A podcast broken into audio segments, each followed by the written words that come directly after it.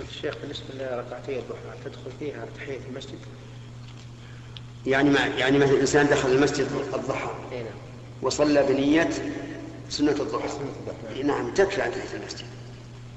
وكذلك الراتبة تكفي عن تحية المسجد. لو دخل الإنسان مثلا وصلى الراتبة راتبة الفجر أو راتبة الظهر الأولى كفت عن تحية المسجد.